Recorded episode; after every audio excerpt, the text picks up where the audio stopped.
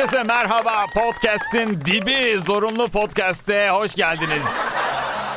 Ya oturdum düşündüm 2020'nin bir muhasebesini yaptım. Yani yapmaz olaydım hakikaten. Her yılın sonunda böyle şeyler olur ya panoramalar açıklanır işte 2020'de neler oldu işte rakamlarla 2020 falan hani böyle şeyler mutlaka olur olacaktır da önümüzdeki hafta özellikle. Biz bunu biraz daha erken yapalım dedik. Rakamlarla 2020 falan yapayım istedim ama yok öyle bir öyle bir veri yok. 2020 acayip yani hiçbir şey kazanamadığım, hiçbir şekilde mutlu olamadığım, asla keyif alamadığım bir yıl oldu benim için. Çoğumuz için de böyle oldu. 2021 ile ilgili elimizdeki tek veri ise yepyeni bir yıl olacağı. Bunun dışında en ufak bir iyimser veri yok elimizde 2021 ile ilgili. Zaten 2020'den hayır hiçbir şekilde gelmedi. Nasıl başladın, nasıl devam etti, nasıl bitti diye soracak olsa biri bize 2020 ile ilgili. Yıla girdik ondan sonra Covid salgını başladı diyebiliyoruz sadece. O yüzden gelin bu yılı sıvış yılı ilan edelim. Tabii belki de benim için sadece böyledir. Sizin için aşırı renkli, aşırı keyifli bir 2020 geçmiş olabilir ama öyleyse eğer bir bakın bakalım aynı gezegende mi yaşıyoruz yani. Neleri yapamadığıma bakıyorum da krizi fırsata çeviremedim mesela. Kriz bir kriz çıktı ben onu fırsata çeviremedim arkadaş. Yattım bütün kriz boyunca evde yattım. Harika bir şeydi.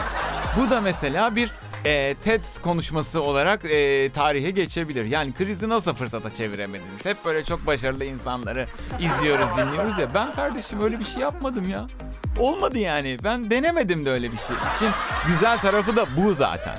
Servetimi ikiye katlayamadım. Bunun temel nedeni aslında bir servetim olmaması tabii. Yeni bir şeyler icat edemedim. Bak bunların hiçbirini yapamadım.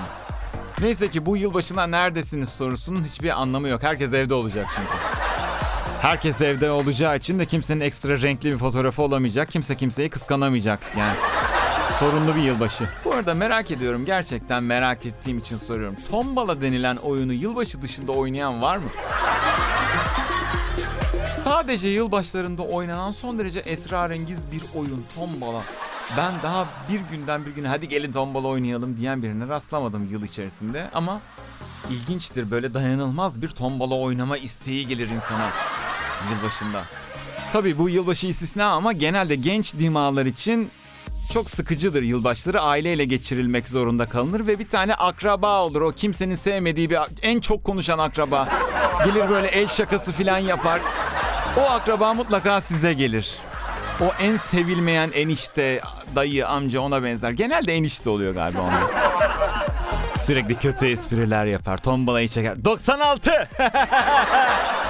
yok yok 96 yok. 2020'nin en önemli özelliklerinden biri kimsenin kimseye övüt verecek durumunun kalmaması artık. Çünkü öyle yeni bir şeyle karşılaştık ki kimse diğerinden daha fazla bilgiye sahip olmadığı için birbirine öğüt veremiyor. Bence şöyle yap filan diyemiyorsun. Dolayısıyla haklıyım çünkü yaşlıyım cümlesi otomatik olarak özelliğini kaybediyor. 2020'yi nasıl geçirdik diye soracak olursak birbirimize aslında yalan yanlış WhatsApp mesajlarıyla geçirdiğimizi çok net söyleyebilirim. Binlerce WhatsApp mesajı. Kimi doktor, kimi mühendis, kimi gizli ajan filan. Gizli ajan WhatsApp'a yazıyor. Daha doğrusu gizli ajan direkt yazmıyor da tanıdığı yazıyor. Benim gizli ajan bir akrabam var o söyledi filan diye. Bunların hepsinin özellikle korona ile ilgili söyleyecekleri bir şeyler vardı. Hepsini de söylediler sağ olsunlar bu bilgileri bizimle paylaştılar. Ve 2020'yi aşırı bir zihin bulanıklığıyla uğurluyoruz.